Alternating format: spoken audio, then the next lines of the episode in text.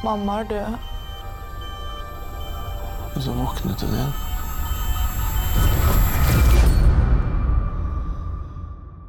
Velkommen til Filmsamtalen, Renate Reinsve. Hei. Takk. Du kommer nesten rett fra Sundance, i hvert fall rett fra Göteborgfestivalen, der du deltok med håndtering av De udøde, og i hvert fall i Sundance en annen film. Som ikke det var nok, er du aktuell med hele to filmer i hovedkonkurransen på Berlinalen om to uker. Så dette er litt av en måned for din del? Ja. Og, så, og kommer faktisk ganske helt direkte fra norsk premiere. Ikke sant? Som varte til sent, sent i går kveld. Ja. Men eh, ja, det er mye, mye som skjer, som er jo spennende og overveldende. Ja, jeg skal ikke spørre om, om premierefesten, men jeg kan spørre om altså, hvordan var Sundance? Altså, ikke minst, hvordan var responsen på håndtering av udøde? Jo, altså bare for å sette det opp, så, så var vi jo ekstremt nervøse og veldig Ja, ganske sånn redde for hva publikum der eh, og, Eller det var jo første liksom ordentlig offisielle visning, mm. så vi var veldig nervøse. Og så um, visste vi jo at det publikummet er mer sånn sjangerbevisste. Så det var en utrolig bra visning. Hvor eh, publikum lo ganske mye og tok veldig mye sånn referanser fra zombiefilm, selv om dette ikke er en direkte zombiefilm. Mm. Og, eh, og, tok referanser hvor man bygger opp spenning, og koste seg veldig med den. Og, og, tok den også veldig på alvor, og var et veldig sånn aktivt publikum. Og så viste vi den i Gøteborg, som var en, Da var vi jo nervøse på en annen måte fordi at eh, forfatteren av La den rette kommer inn, Jon Ajvide Lindqvist Closer to home, ja. ja så, så, det var på en måte et annet type press der. Selv om vi hadde det at det gikk så bra i Sundance i ryggen, så, um, så var også det åpningsfilmen, og da er det jo publikum som ikke nødvendigvis har valgt å komme på visningen, men, men som kommer fordi det er åpningsfilmen. Mm.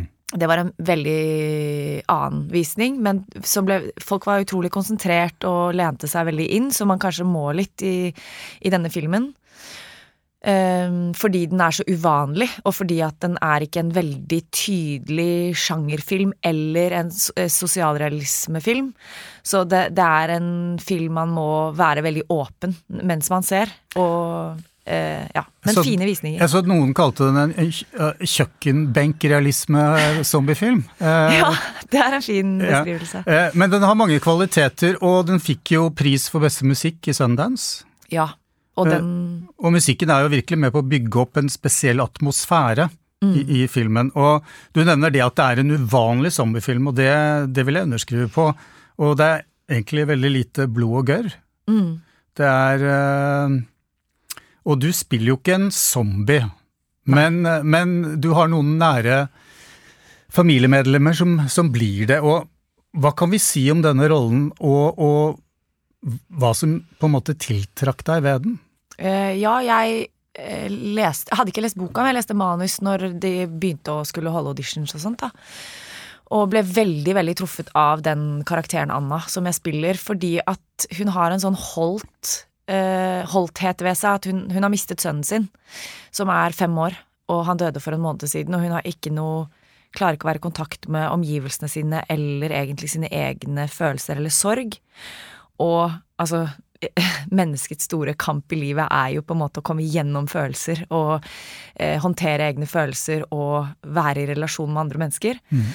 Eh, for å ikke kjenne på dyp ensomhet eller eh, Ja, det er jo en veldig sånn grunnleggende menneskelig kamp så, mm. uh, som jeg syns lå i den rollen. Og det der er veldig sånn eh, Bare sånn veldig direkte rørende ved at eh, et menneske som har mistet sønnen sin får møte det barnet igjen i en annen tilstand som ikke er levende eller død, og så lære seg å håndtere egne følelser gjennom eh, det møtet. Både håpet i hva den relasjonen kan være, om han blir bedre, om dette eh, kan på en måte forløses på en eller annen måte, og så aksepten av at det, det kan det nok ikke.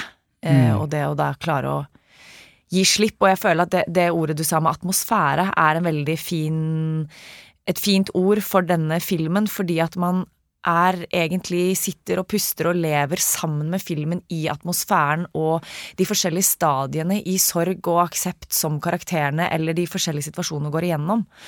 Som jeg syns, når jeg ser filmen, er det det er det det som treffer meg, og ikke nødvendigvis at den drives veldig framover som en vanlig sjangerfilm, eller at det er veldig mye action og sånt, men at det er det man kan bare slappe av og bli tatt med gjennom eh, stemninger og situasjoner på en veldig Ja, som tar seg tid til å, og tar, tar det veldig på alvor.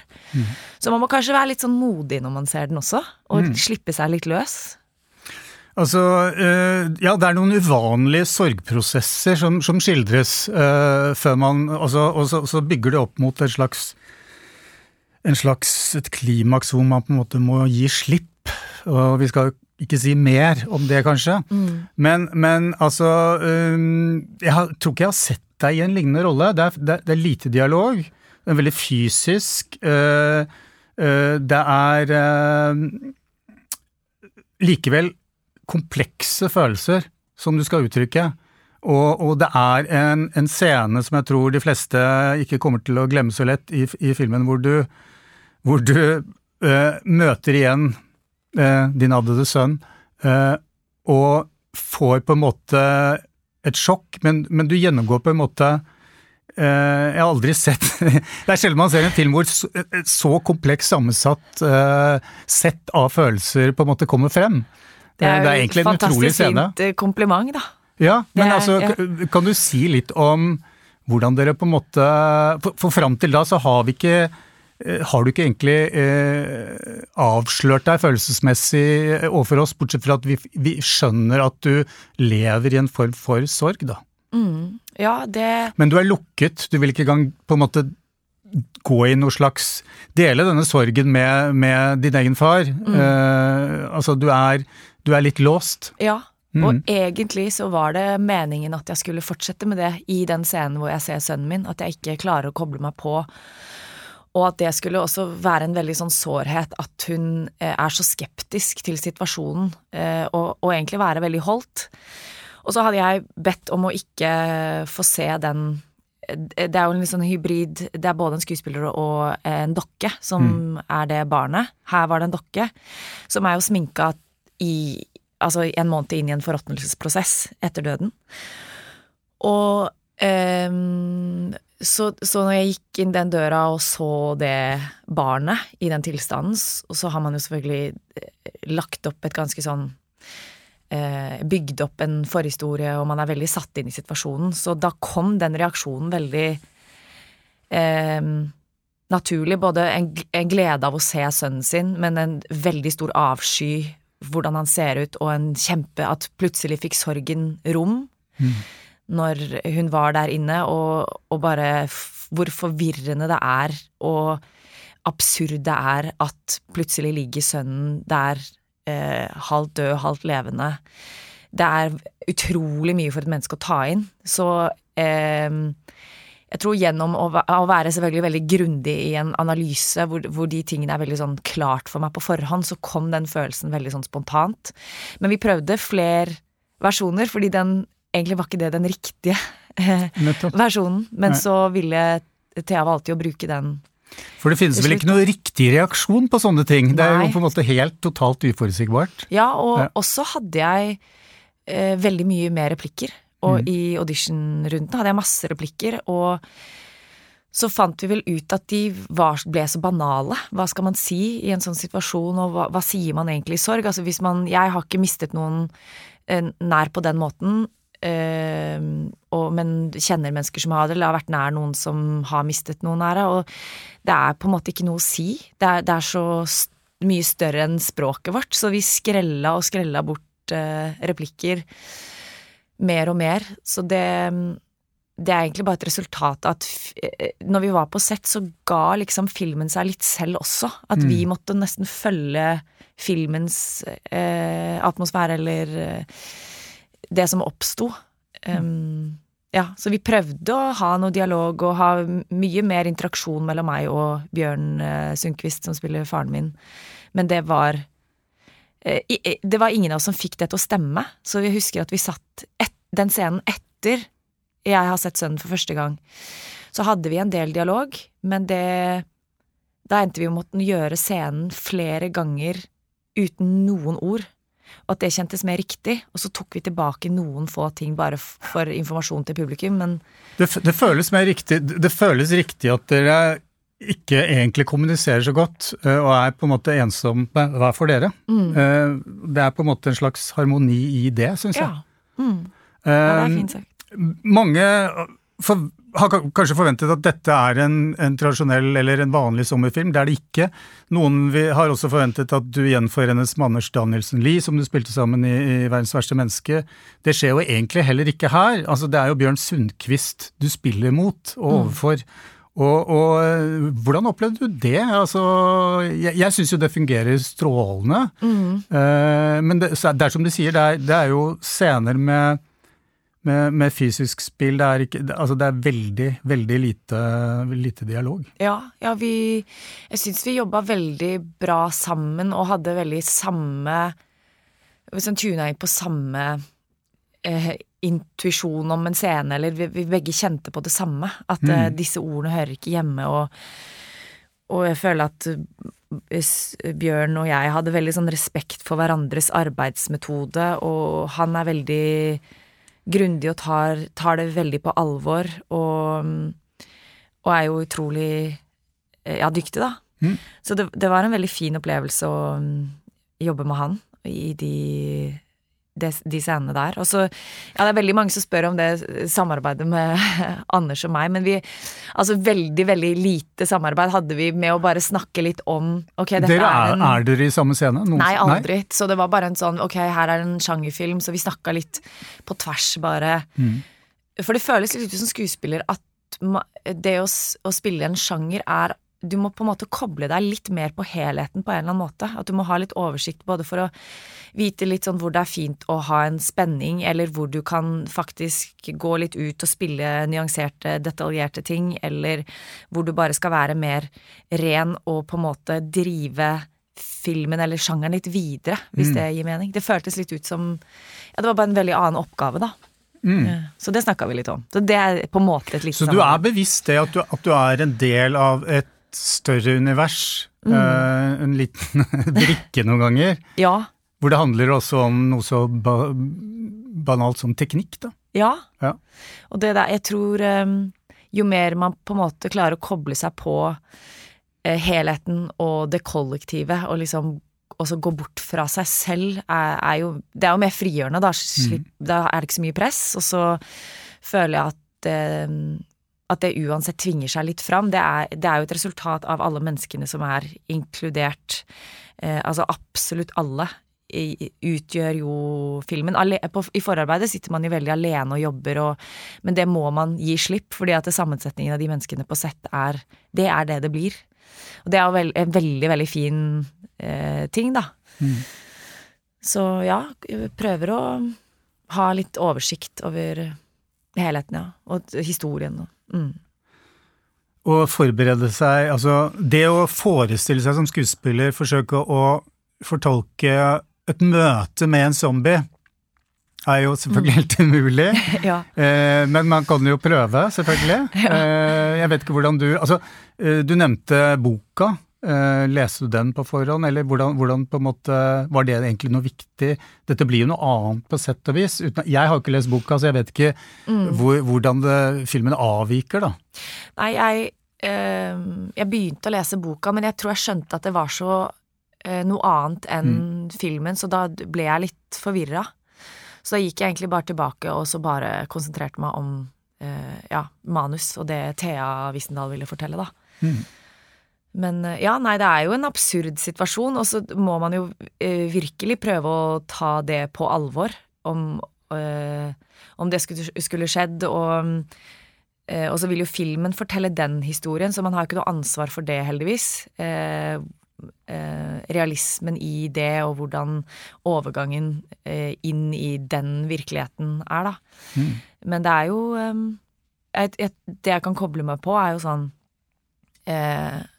Hvordan det ville Altså, hvis noen var død, og en kropp begynte å bevege seg og leve, Er det noe som kommer til å Er det noe som blir friskt fra å være sykt? Er dette en sykdom? Er det eh, hva, Hvordan kan man koble seg på? Er det noen der inne fortsatt? Er dette faktisk noe man kan leve med resten av livet? Kan, kan jeg eh, tåle å være med Eller karakteren min tåle å være med gutten sin på denne måten resten av livet? Eller er det noe eh, Så det, det er jo hele tiden sånne vurderinger man kan jobbe med, da. Mm. Eh, altså mm, Aivide Lindqvist, som har skrevet manuset, manus, uh, stå, skrev også da 'La den rette komme inn'. Og, og den filmen, altså filmversjonen av 'La den rette komme inn', er jo en referanse her, ser jeg, som mange bruker. både dere som har laget filmen, fordi det er en av verdens mest hva skal vi si, pri, høyt prisede horrorfilmer, mm. som også er annerledes og, og ganske sånn behersket stort sett i forhold til blodsutgytelse og ja, blod og gørr. Uh, men, men, altså, i hvilken grad har du Har dere lent dere på den filmen i noen, noen nevneverdig grad, eller har det vært en, noe som er diskutert? Nei, men det lå vel hele tiden litt som en sånn, uh, ja, en referanse mm. i at det der med å være i en realistisk setting, men at de elementene der, liksom vampyrelementer, på en måte um, Ja, at det blir et bilde på noe annet, eller også det her med at det er udøde, da. At det er et mm. bilde på noe, at uh, Men at man Ja, man jobber vel med karakteren liksom man ville ellers, men at ja, det har vært noe vi har lent oss litt på. For å, for å skape sånn felles, felles språk, da. Mm. Mm. Dette er jo Thea Wistendals første spillefilm. Uh, og det er jo en imponerende debut. Ja. Mm. og hun er formsikker og Altså, det, er, det er, virkelig en spennende debut. Og, og, hvordan har du opplevd å jobbe med henne? Ja, det har vært uh, helt fantastisk. Jeg, jeg, visste jo at hun var veldig Hadde veldig bygd opp sin egen stemme fra kortfilmer, og, og at hun har kjempet veldig hardt for å få lov til å lage når hun skal lage sin første spillefilm, er jo det helt fantastisk at hun faktisk får lage sin film, og at dette er veldig henne, som er jo mm. en vanskelig ting å, å virkelig stå i og kjempe for å kunne gjøre.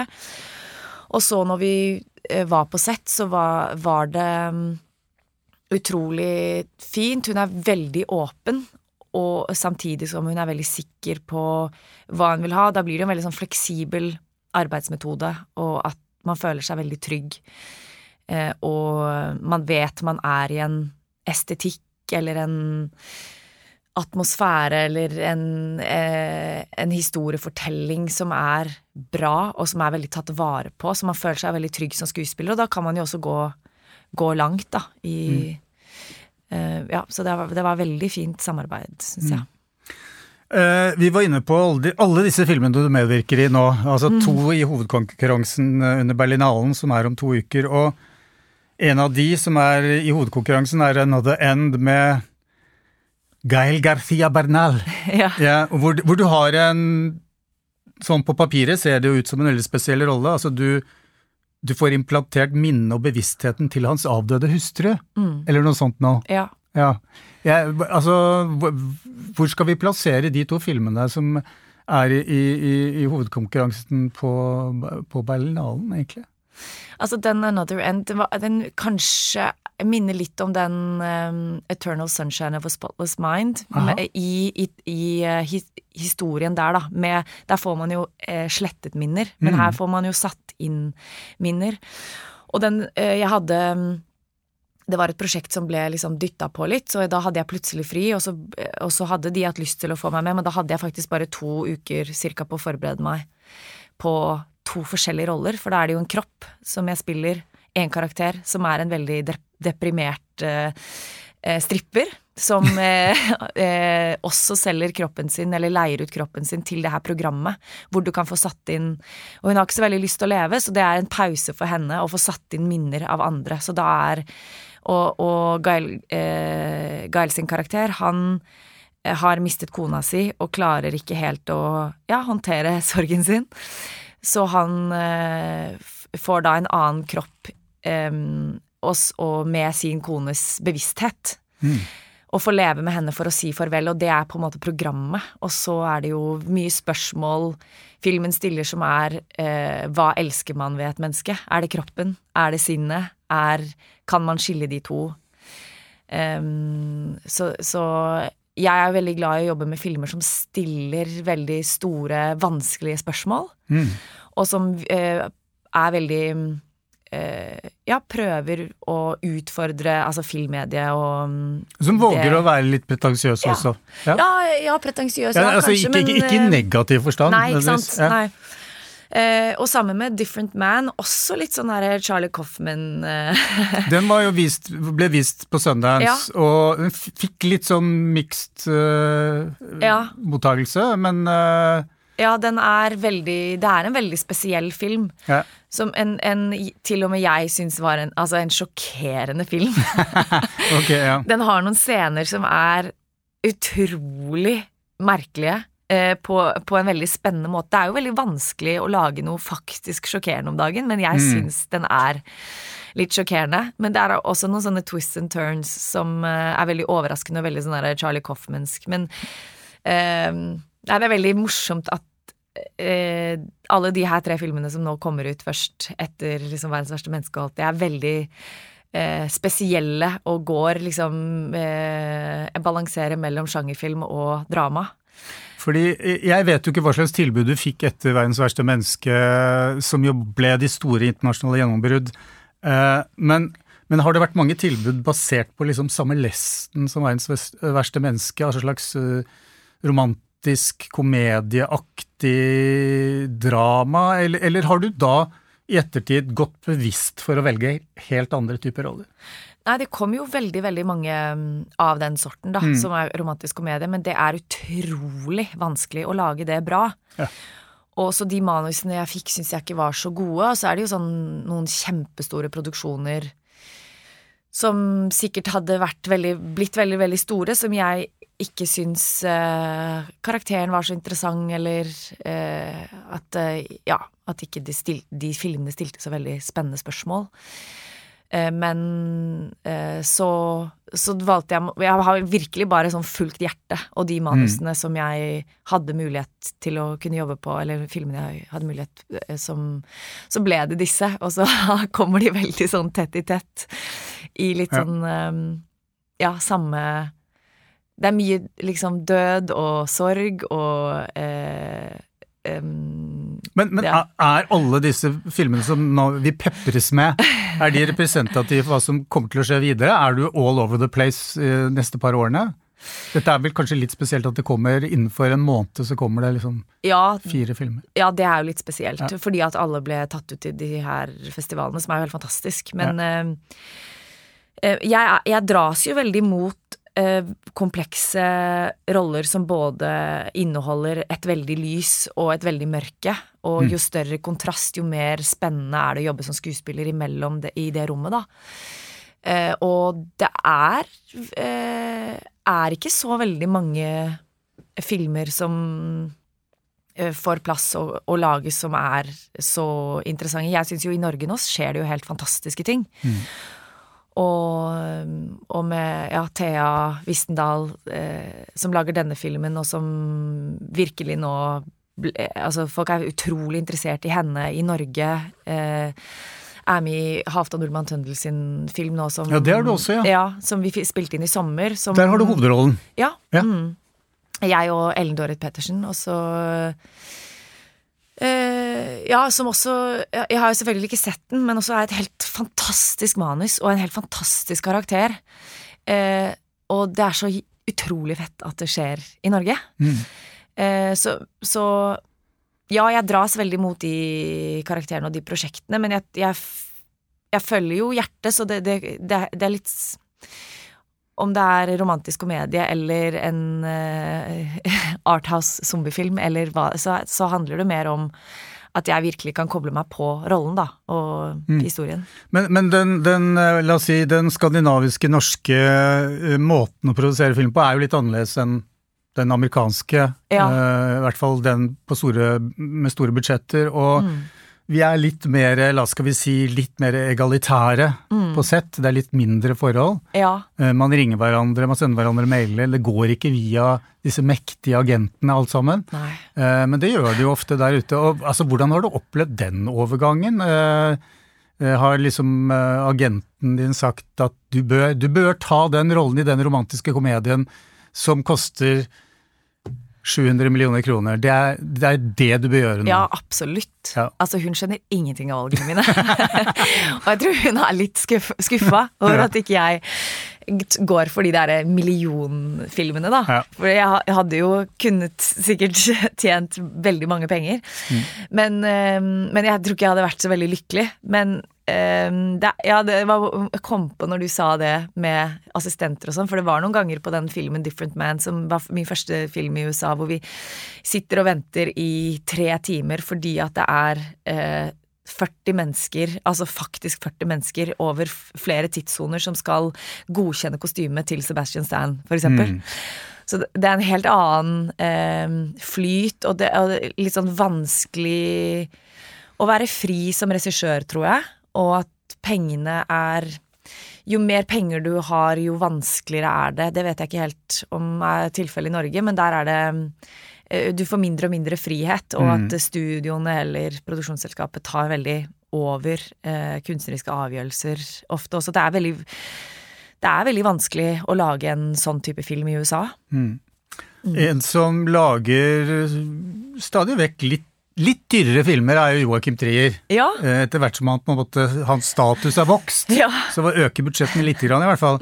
Og du skal være med i hans neste film, 'Sentimental Value', mm. som også Eskil Vogt har vært med å skrive manus til. Og der, er du, der skal du spille en skuespiller som gjennomlever sorg, blant annet. Eh, hva kan du fortelle om den rollen? Ja, eh, det er en litt annen type karakter. Jeg vil si at ja, hun opplever sorg, men jeg tror at hun, hun kommer fra et hjem eh, der hun eh, Hvor hun har en spesiell pappa og de som, Som er regissør? som er regissør, Ja. ja. Eh, som kanskje ikke har helt vært der Klart å se de ordentlig er i hvert fall inntrykket til min karakter. Hun er nok veldig sint for det, og at hun sliter veldig med å knytte seg til eh, ja, spesielt relasjoner. Da. Hun klarer ikke å få noen relasjoner til å fungere. Er han like Eh. håpløs som faren til eh, karakteren din i 'Verdens verste menneske'? Ja? Ja, på en annen måte. Ja, vet du. ja. Ja. Så det er jo en kjærlighetshistorie mellom en far og en datter. Eh, og hvordan eh, man ser, ikke ser hverandre og ser hverandre, og hvordan man kan nærme seg hverandre hvis man ikke helt har evnen til det på en sånn vanlig Mm. måte, i Gåstein. Ja. Da du var med å lansere 'Verdens verste menneske', så var det, snakket du en del om eh, det fellesskapet dere hadde på den filmen. Mm. Den fellesskapsfølelsen og at, den følelsen at man var på en måte en vennegjeng som jobbet sammen. Mm. Og, og jeg vet ikke om det er sånn veldig typisk for norske sett, men det var i hvert fall typisk for det settet. Mm. Eh, og det, det høres jo ut som en veldig fin atmosfære å jobbe i. ja, helt fantastisk. Vel, På en måte et slags ideal. Ja, Mm. Og det er jo Joakim som um, er veldig nøye på hvordan han bygger opp eh, en produksjon. Mm. Så han er jo helt altså enestående kunstnerisk og skriver Han har jo utrolig høye ambisjoner for hva en film kan være, og hvordan å også utfordre hva en film kan være, sammen med Eskil. Og, og så når man er på sett, så er det det å skape eh, rom for eh, at folk kan føle seg fri, og at sånne Han snakker litt om at det skjer et event, eller at eh, at det får plass til å virkelig leve og puste. Eh, eh, at, at de tingene kan oppstå. Eh, så, og, ja. Jeg husker også at du i et intervju med Rushmint snakket om verdien, eller ikke verdien av, men altså det å gi slipp på kontroll. Mm, Som på en måte er, er litt skummelt, men, men kan på en måte åpne opp for spennende ting. Og, men en forutsetning for det er vel kanskje at man, man har en trygghet, ja, ja, ikke sant? absolutt. Så de, de rammene er utrolig viktig. Og jo tryggere man føler seg på sett, og jo eh, ja, strengere rammer det er på en måte i produksjonen, jo lettere er det å slippe seg løs.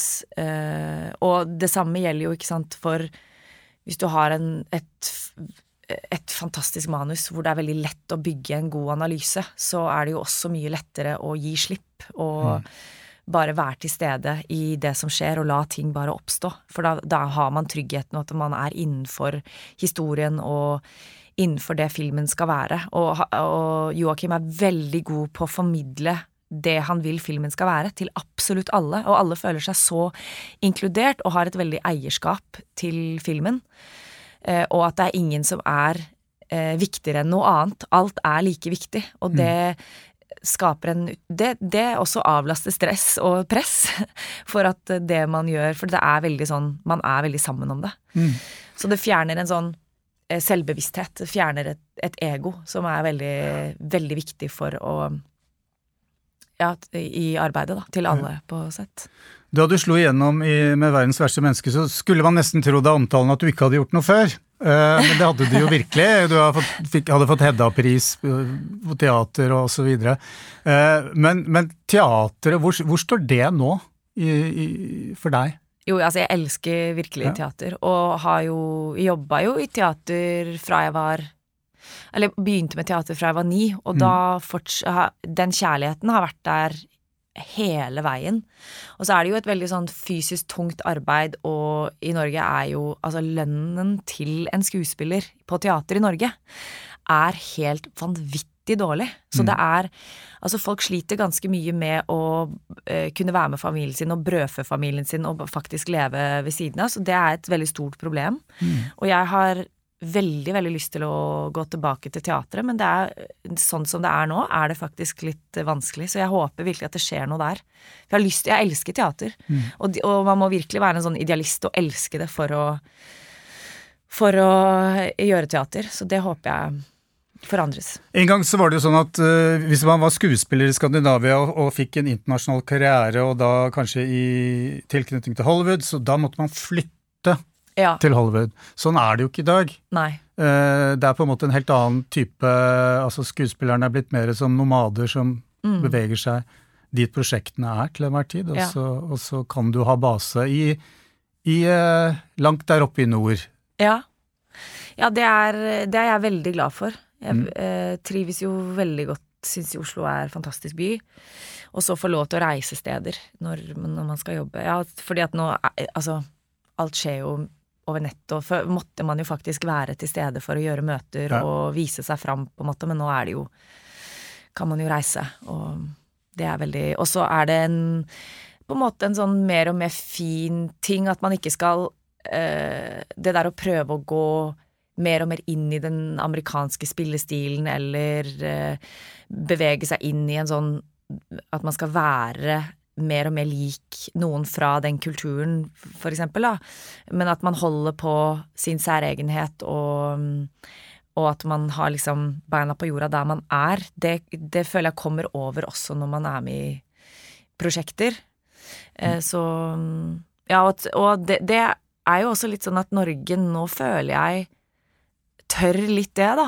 Og at man er sånn shit, vi, vi, har noen skikkelig bra ting å fare med, og at man tør å Og eh, er jo veldig sånn inspirert, syns jeg, av Joakim, som har veldig stått i mange, mange, mange år, han og Eskil, og bygd opp en sånn særegen stil, og at det, det derre ta talentutviklingen, at det får ta tid, og at man kan finne ut hva man er og hvordan man eh, er i yrket sitt, eller hvordan type film eller man vil lage, eller skuespiller man vil være, er tar tid, og at mm. det, det satses litt på det, er, er, har nok veldig mye å si for det. At, man, at vi får vår egen særegenhet og tør å stå litt i det, da. Mm. Renate, Tusen takk for at du ble med i Filmsamtalen. Jo, veldig hyggelig å være her. Ja. ja. Og så blir det spennende å se hvordan det går med alle disse filmene som har eh, premiere utover. Ja, det blir veldig spennende. Mm.